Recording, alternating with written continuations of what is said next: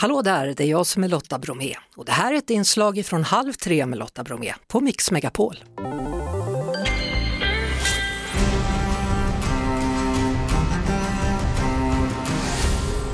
Film och serier. Antonia eh, Mandir, hur mycket serier hinner du titta på? Inte så jättemycket, men när jag väl fastnar då fastnar jag och sen kan det ta typ ett år innan jag har hunnit se färdigt. Ja, jag- jag ska ge dig ett tips. Mindhunter är ett jättebra tips. Det handlar om en, en kvinnlig kriminalare som reser runt i USA och så löser hon olika brott och spårar människor. Och så. Ja, Den är riktigt, riktigt bra faktiskt. Spännande. Om du vill byta med mig då, vad blir det? Jane the Virgin.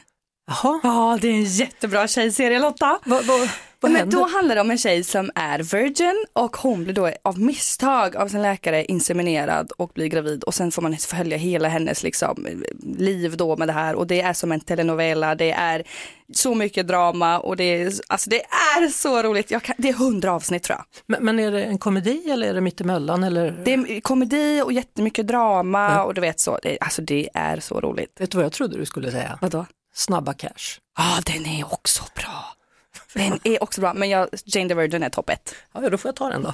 Ja, bytte bytt. Bitte, bitte. Det var det. Vi hörs såklart igen på Mix Megapol varje eftermiddag vid halv tre.